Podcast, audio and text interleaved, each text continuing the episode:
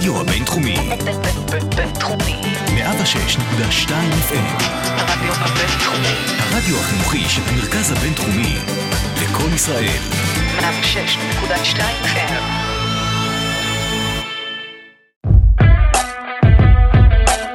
Talking Lauder, הפודקאסט הרשמי של בית הספר לאודר לממשל דיפלומטיה ואסטרטגיה במרכז הבינתחומי הרצליה. עם הילה רודד ושרון ברסלר. שלום לכולם, ברוכים הבאים לעוד פרק של הפודקאסט הרשמי של בית הספר לאודר לממשל, דיפלומטיה ואסטרטגיה במרכז הבינתחומי. אני שרון ברסלר, אני הילה רודד. והיום אנחנו הולכות לדבר על נושא מאוד מעניין אה, ומאוד רלוונטי, שיכול להיות שחלקכם שמעתם עליו אה, בתקשורת, והוא לבנון. אה, בסוף שנת 2019 פרץ משבר כלכלי בלבנון, ויש שכינו אותו המשבר ההומניטרי החמור ביותר של העשורים האחרונים. למעשה מדובר במשבר שהוא משולש, גם קריסה כלכלית, גם אובדן משילות ומשבר בריאותי חמור, שכמובן הקורונה החמירה אותו. אז uh, באמת רצינו להעמיק ולדבר על הנושא, וכדי uh, לנסות להבין מה קורה באמת בלבנון, אנחנו שמחות לארח כאן את uh, דוקטור חיים קורן, שלום לך. שלום רב. דוקטור חיים קורן הוא מהמרכז הבינתחומי הרצליה, הוא היה שגריר ישראל הראשון, יש לציין, לסודאן, לדרום סודאן, והוא היה גם שגריר ישראל במצרים, אז ככה כבוד גדול שהסכמת להגיע ולהתארח כאן.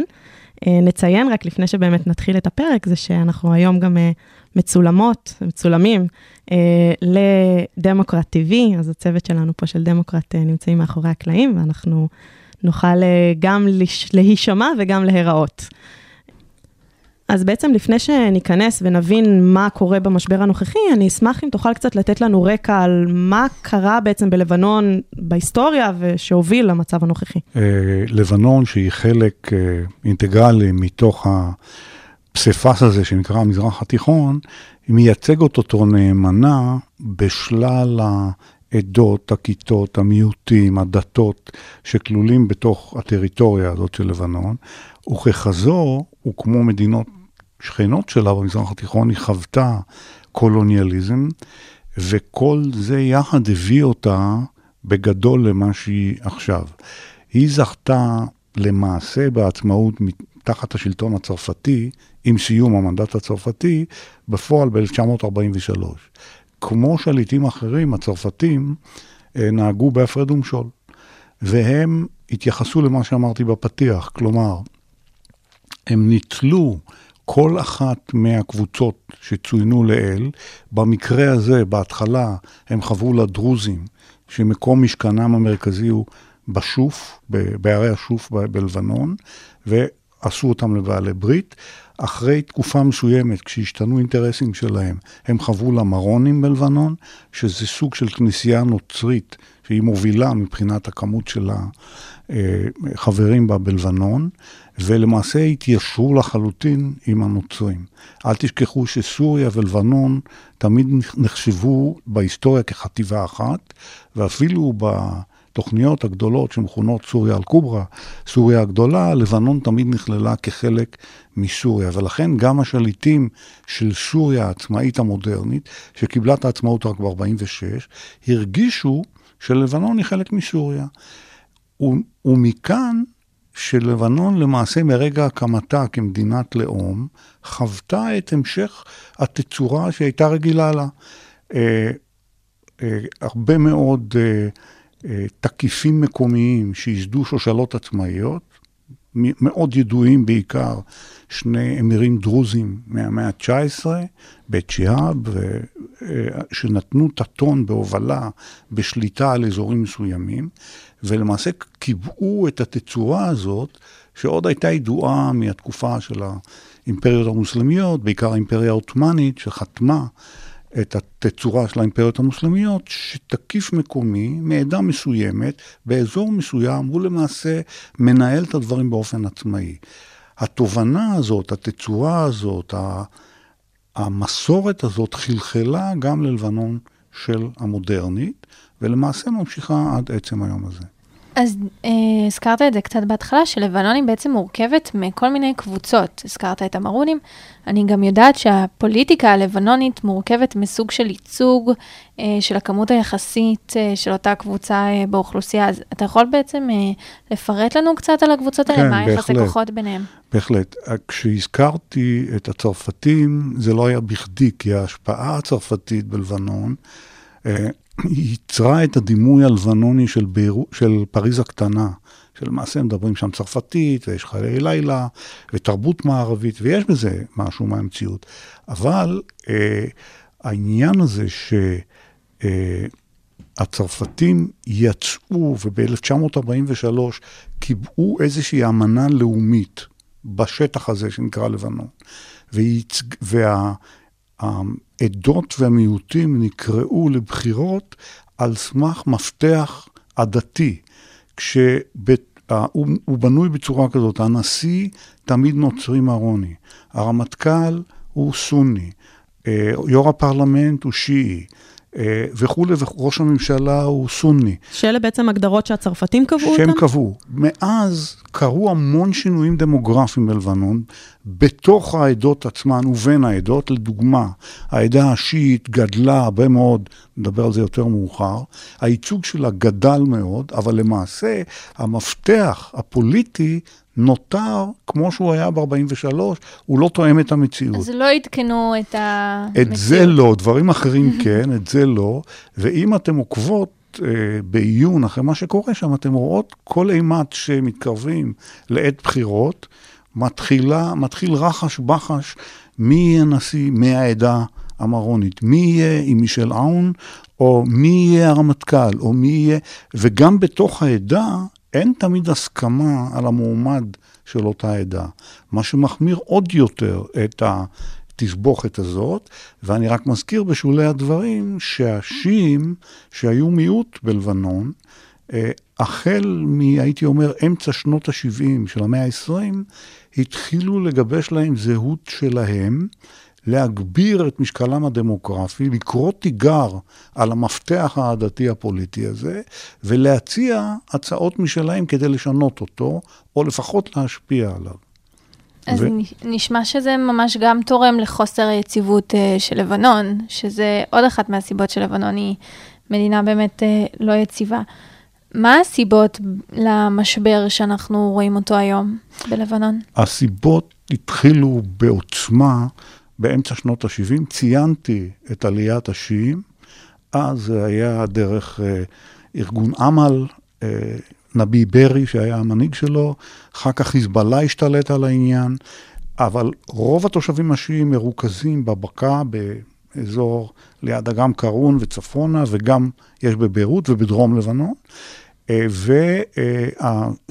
והסיבה השנייה, המעורבות הסורית המאוד עמוקה בלבנון. ציינתי שסוריה תמיד ראתה את לבנון כחלק מסוריה הגדולה, והמעורבות במלחמת האזרחים בלבנון בין העדות השונות, שנוצרה באמצע שנות ה-70, הווה אומר, השיעים בהתגבשות, הסורים שולטים, חוברים בהתחלה לנוצרים ב-1975, אחר כך הפלסטינים נדחפים לשם, אחרי האירועים שהיו להם בירדן איתנו, ונדחפים ללבנון. נזכיר רגע שמה שקרה בעצם בירדן זה שהיה שם את אה, הנהגת אה, אש"ף, נכון? נכון. אה, שבעצם המלך הירדני החליט בשלב מסוים שהוא מוציא בעצם את כל ההנהגה של אש"ף מירדן, והם מצאו את עצמם, חז... הם חיפשו איפה להשתקע, והם השתקעו בסופו של דבר בלבנון. אכן. אה, את מנסחת את זה בדיפלומטיות, כמו שצריך להיות בבית ספר לדיפלומטיה ומדיניות. אה, המלך חוסיין, אביו של עבדאללה, פשוט שחט את הפלסטינים בחודש ספטמבר 1970, הוא ספטמבר השחור שניתן לארגון, וגירש אותם ללבנון, והם התחילו להתמקם שם, לא קיבלו אותם באהבה, לא הלבנונים ולא אחרים. עד היום הם, אין להם זכויות, לא עבודה ולא אחרות, והם נחשבים פליטים, הם מחנות פליטים שם.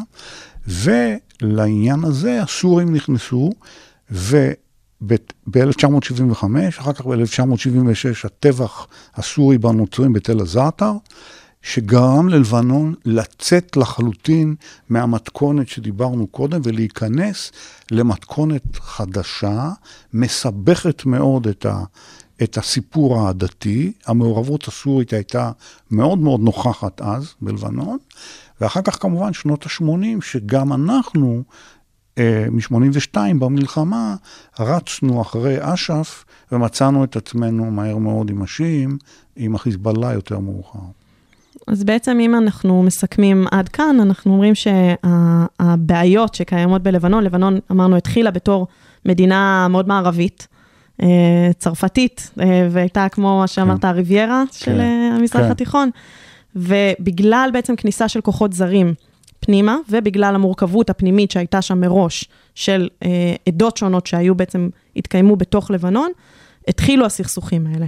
עכשיו, אני, ממה שאני מכירה, גם יש הרבה בעיה של אה, שחיתות שלטונית, שגם כן השפיעה בעצם על המצב. אני אשמח שקצת אה, תספר זה לנו. מתקשר למ- לדברים שהזכרנו על ההסכמות על מועמדים לתפקידים בתוך העדות עצמן. כלומר, משפחות עשירות, משפחות מיוחסות, גם בקרב הנוצרים, גם בקרב הדרוזים, גם בקרב, אה, בקרב המוסלמים סונים, תמיד חתרו לתפוס את ההנהגה. ההנהגה אה, מודגמת במקרה הטוב ביותר, אה, במקרה של רפיק אל-חרירי, אביו של סעד א-דין חרירי, ראש הממשלה הנוכחי.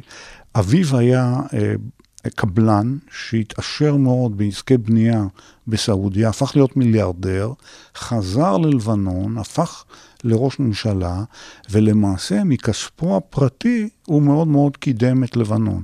אותו סיפור אני יכול להגיד לך לגבי נוצרים, גם לגבי הדרוזים, ההנהגה הדרוזית, שזה למעשה היום וליד ג'ומבלט ירש את אבא שלו, הסיפור הידוע, וככה שבתוך העדות נוצרו מעין, מעין פאודליזם כזה, שכל אחד משמר את חלקת האלוהים הקטנה שלו ומנסה להסתדר בזמן נתון, במרחב שאנחנו מדברים עליו, עם האחרים, תוך שימוש בכסף שלו, במיליציות שלו, למשל הנוצרים, אה, הפלנגות אה, ואחרים, כדי לשמר את מעמדם הדתי, העדתי וכולי, וממילא השחיתות היא מובנית בתוך המערכת השלטונית הזאת, והיא גם מקובלת ככזו, אלא שבשנים האחרונות היא הגיעה לסף שלא הכרנו בעבר. בשנים האחרונות באמת גם, קודם כל מגפת הקורונה בוודאי החריפה את המצב שם אה, במדינה,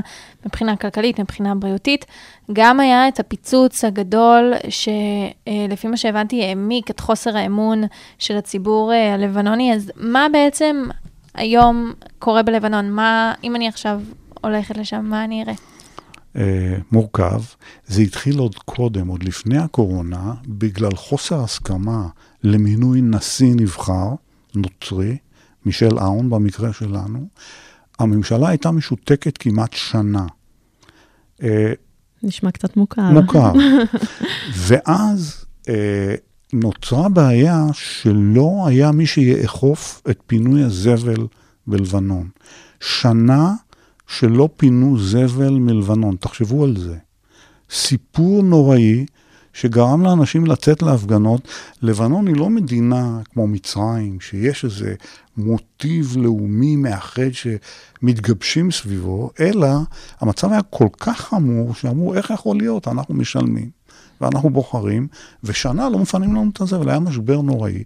אחר כך הגיעה הקורונה, אחר כך היה פיצוץ אה, אה, בשדה התעופה, ובתוך המכלול הזה, גם ככה, חיזבאללה בעיני לבנונים רבים הוא חשוד כי הוא נתפס בעיניהם כזרוע ארוכה של איראן, ולא בהכרח מישהו שהוא נאמן ללבנון. זאת המציאות הרי, ככה הם רואים אותו. גם אנחנו. ו- אבל אנחנו לא לבנונים. כן. ולכן אה, צריכים לזכור את הדבר, ומכאן כשבאות הצעות שהנשיא האיראני יספק אנרגיה ללבנון על ידי נסראללה, אה, הרבה לבנונים מעקמים את החותם ואומרים לא רוצים שהם גם ישלטו, ינצלו את ההזדמנות הזאת כדי להידחף ולהשתלט על החיים שלנו בניהול האנרגיה. אז הם לא רוצים לקבל את העזרה, כי לפי מה שהבנתי, המצב שם ממש קטסטרופלי. יש תורים של אה, קילומטרים בכניסה נכון, אה, לתחנות כן. דלק. כן, כמו שנאמר, וכל התור נשמע בארצנו. או בארצם, אבל יש שם, אה, השאלה את מי את שואלת כמובן, האזרח הממוצע, אם יש חיה כזאת, בין אם הוא מוסלמי סוני, בין אם הוא מרוני, בין אם הוא דרוזי, זועם על העניין הזה. ולחיזבאללה יש גם תומכים, זה לא שכולם אה, אה, אוהבים אותו, והוא הצליח להתרשת בשלטון בברית שהוא הצליח לקיים עם הנשיא המרוני, מישל אאון, לטובת שני הצדדים.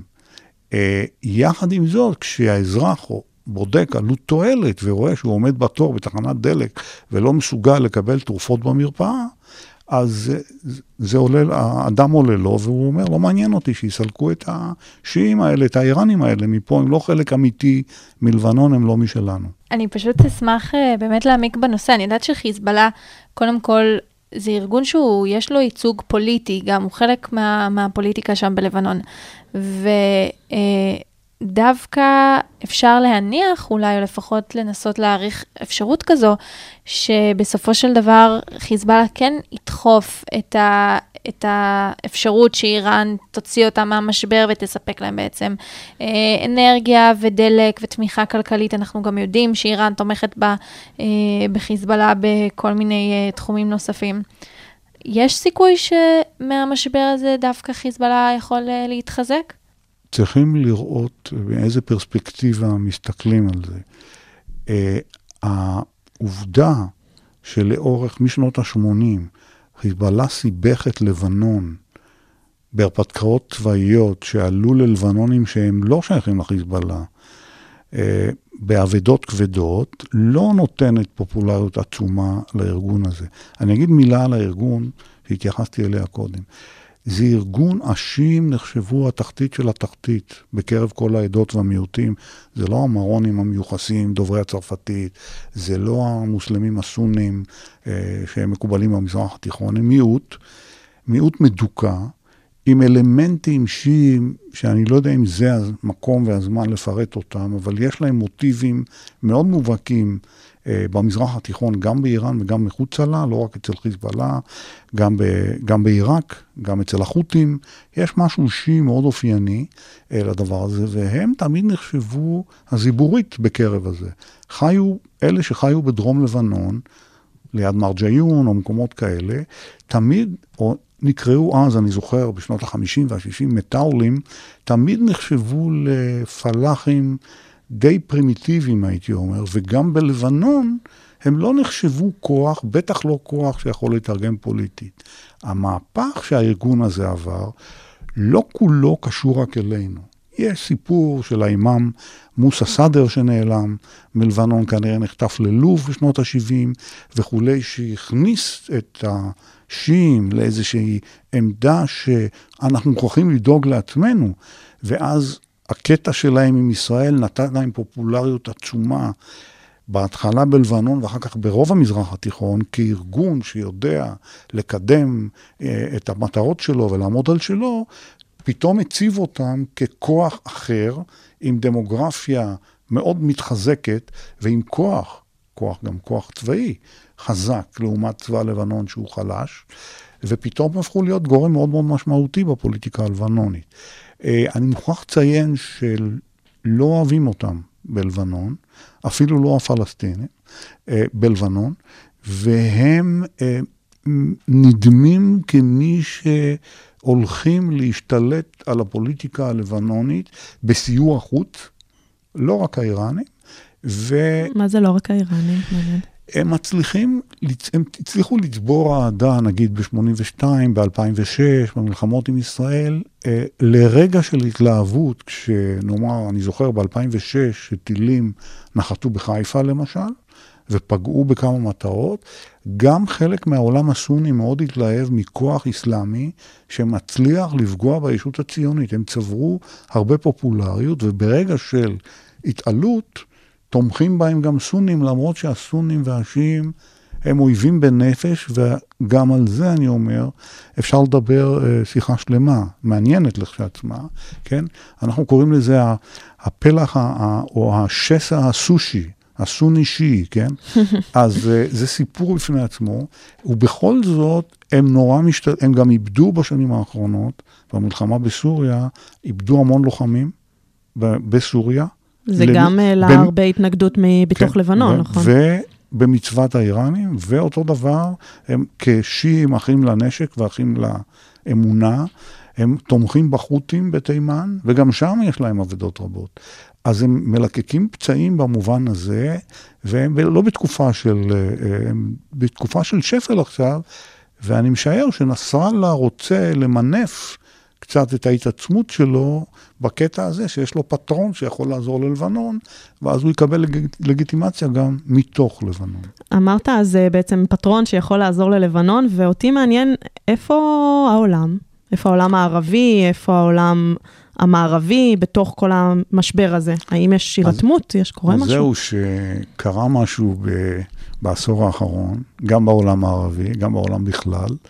אה, לא ניכנס לא לענייני גלובליזציה ולא לענייני הגירה, רק נזכיר שמה שמכונה האביב הערבי, שהתחיל אה, למעשה בדצמבר 2010, מהפכת היסמין בתוניסיה, שימו לב מה קורה בתוניסיה היום, ואחר כך עבר מהר מאוד למצרים ולשאר המדינות, אה, לא, הוא השפיע מאוד על מערך הכוחות המזרח תיכוני, ולמעשה כבר הייתי אומר, מ-2014 התחילה הבנה בקרב מנהיגים ערביים, שהם ערבים סונים, שהם שכנים שלנו ברובם, כמו מצרים, כמו ירדן, כמו ערב הסעודית, כמו האמירויות, שמה שהיה הוא לא מה שיהיה, אני מתייחס לישראל דווקא, לא ללבנון, ופתאום הם מצאו אינטרסים משותפים מרכזיים שנוגעים לביטחון הלאומי של כל אחת ואחת מהם, כמו מלחמה בטרור,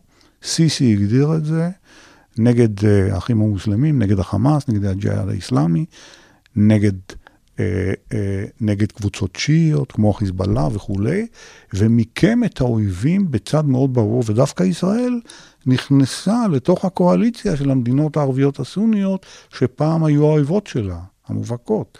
כלומר, חלו פה שינויים מרחיקי לכת. אפשר לראות את זה דרך הזווית הפלסטינית, כשהפלסטינים בשנה האחרונה, בשנתיים האחרונות, מנסים, מנסים לנקוט בטקטיקות שהם נקטו בעבר, הערבים, אומרים, אלה, הערבים הסונים אומרים להם, סעודים, האמירויות, חבר'ה, מספיק עם העניין הזה, וגם מדברים איתם אה, דברים כדורבנות, שהם אשמים במצב ולא ישראל. זה מצב שלא הכרנו, הוא אמור לגבי לבנון. באופן מסורתי, סעודיה זאת הפטרונית של לבנון. הזכרתי את רפיק אל-חרירי, אבל גם בסיוע, גם בכסף, העולם. צרפת, מה צרפת עושה? היא הציעה עזרה עכשיו ללבנון. אוקיי, אבל אה, אה, מישהו שולח עכשיו שליחים מיוחדים לטפל בלבנון. זה לא... אין פה משהו שיש בו בשורה שאומר, חבר'ה, אם תעשו כך וכך, ה-IMF, קרן המטבע הבינלאומית, תיתן לכם הלוואה של כך וכך. עוד לא הגענו לכדי כך, וכולם מזהים את המצוקה, והמעצמות שמחוץ למזרח התיכון, תהיה זאת ארצות הברית או האיחוד האירופי, אני לא מדבר על צרפת אה, כמדינה, היו מאוד רוצות שיציבות תהיה פה, גם בלבנון וגם באזור שמקיף אותה, לא כל כך, כרגע אני לא כל כך רואה שמצליחים לפתור את הבעיה. אז נראה שקודם כל לבנון ממש קורסת uh, לנגד עינינו, ובוודאי יש לזה השפעות אזוריות, וכמובן שיכולות להיות לזה השפעות על ישראל. אנחנו יודעים שאם זה בעבר, עוד לפני מלחמת לבנון, היה איזה חלום שיכול להיות איזשהו שיתוף פעולה בין המדינות, ויכולות uh, להיות שתיהן מדינות uh, מערביות. מה בעצם הסכנה שיכולה להיות לישראל בעקבות הסיטואציה הזו? האם ישראל צריכה לנסות אולי ולגשש בין מנהיגות חדשה ואולי סיכוי ללבנון חדשה? ישראל כדיפלומט, uh, אני סבור שאם ישראל יכולה להושיט סיוע אזרחי, uh, זה יהיה נחמד, כמו שהצענו לטורקיה uh, עכשיו עם השרפות וכל הדברים האלה. זה תמיד טוב כדיפלומטיה רכה להראות גם פנים יפות. כמו ובסוף... שעשינו האמת עם השריפה, אז אני זוכרת נכון. בעיריית תל אביב והראתה את הבניין שלה.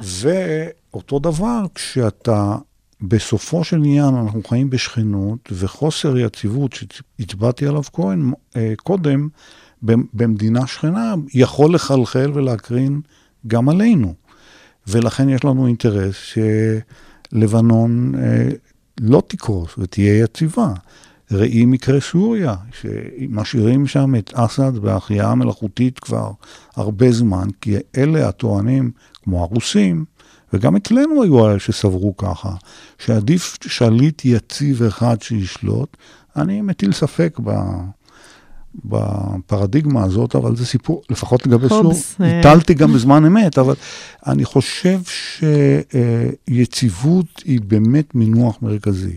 עכשיו, אם אתה מצליח לגשר בתוך העדות השונות, אה, בלבנון, אתה צועד צעד קדימה לכיוון כזה. השאלה אם, אם אפשר להצליח בנסיבות הנוכחיות. כן, זאת באמת השאלה, האם באמת כוח חיצוני, הרי אמרנו על זה שהכוחות החיצוניים זה מה שבסופו של דבר גם מביא לנפילה של לבנון. השאלה כן. אם כוחות חיצוניים יכולים לעזור, או שזה משהו שבאמת צריך לבוא אה, מבפנים, נראה לי שזה קצת אה, מורכב כדי לדעת. כן. אה, מה אתה צופה שנראה פה בעוד אה, חמש שנים מהיום? או שנה. או שנה אפילו, כן, הדברים זזים כל כך מהר. פה בגזרה הלבנונית או כן. פה בכלל? הבעיה היא שבשנים האחרונות הדינמיות של האירועים היא כל כך אינטנסיבית, ולנו הרי כדי לצפות את העתיד, אה, אין לנו נתונים, וחסרים לנו מטבע הדברים, וברגע שתנאי מרכזי אחד חסר לך, הוא יכול לקרות מהיום למחר, לדוגמה, איזושהי יוזמה של חיזבאללה לתקוף אותנו, מחר, שאגב, האיום הזה גובר, יש את כל, לא דיברנו על זה בכלל, על כן. פרויקט דיוק כן, הטילים של טילים חיזבאללה. וכולי, אז זה כבר נמצא הרבה זמן, זה מה שמכניס אותנו לכל העניין הזה. זה יכול לשנות באחת את כל, ה, את כל התרחיש, ולכן אני מאוד זהיר במה יהיה אם, אה, אלא משתדל לראות איך הדברים אה, עומדים עכשיו ואיזה איזה תצורה יכולה להתפתח מפעולה כזאת או אחרת. זה גם יכול לבוא מאיזה הפצצה של חיל האוויר בסוריה, חוסר שביעות רצון בקרב הרוסים, זיהוי איראני שעובר מתקיפת ספינות בים להסתה חזרה אה, של הדגש ללבנון, כדי להוציא אותם מזה וכדי להגיד לחיזבאללה, הנה ההזדמנות להכניס אותנו לספק דלק ללבנון. ועכשיו היו בחירות לא מזמן באיראן, וכל ה... והנה לך הזדמנות לשנות את כל מהלך פני הדברים. אז קשה מאוד לראות, כי זה לא איזושהי ראייה ליניארית שאומרת, אם ישראל תנהג A ולבנון B, יהיה C, אלא זה מערכות מורכבות שלא תלויות בנו ברוב המקרים, ואנחנו צריכים לדעת להתמודד עם מצבים משתנים תדיר באופן מאוד מהיר.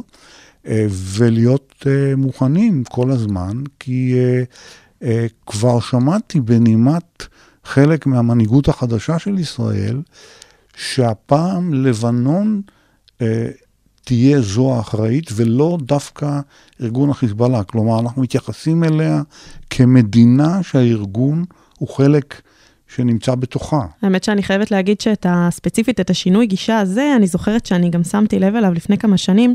אני שירתתי בדובר צה"ל, בח... בחמ"ל שמוציא את הודעות דובר צה"ל הרשמיות. ואני זוכרת שתוך כדי השירות, כל פעם שהיה איזשהו שיגור מלבנון, בהתחלה היינו מדברים באמת על חיזבאללה הוא הכתובת, ובשלב מסוים היה באמת שינוי והתחלנו להגיד ממשלת לבנון, או כאילו כן. מדינת לבנון היא הכתובת, וזה מעניין, ממש רואים באמת את השינוי גישה של ישראל. השאלה. השאלה אם לבנון מסוגלת אה, במצבה כן. הנוכחי ובמצבה האחר. את תזכרי שגם העולם מעורב, יש, אה, הרי יש החלטת או"ם אחרי 2006, אה, 1701, שאוסרת על החיזבאללה להיכנס לאזורים מפורזים וזה, והוא מפר את זה באופן קונסיסטנטי מאז, אה, בצורה בוטה כן. ומתריסה, אה, ואין הרבה, והאו"ם פוחד. האו"ם לא באמת נוקט עמדה.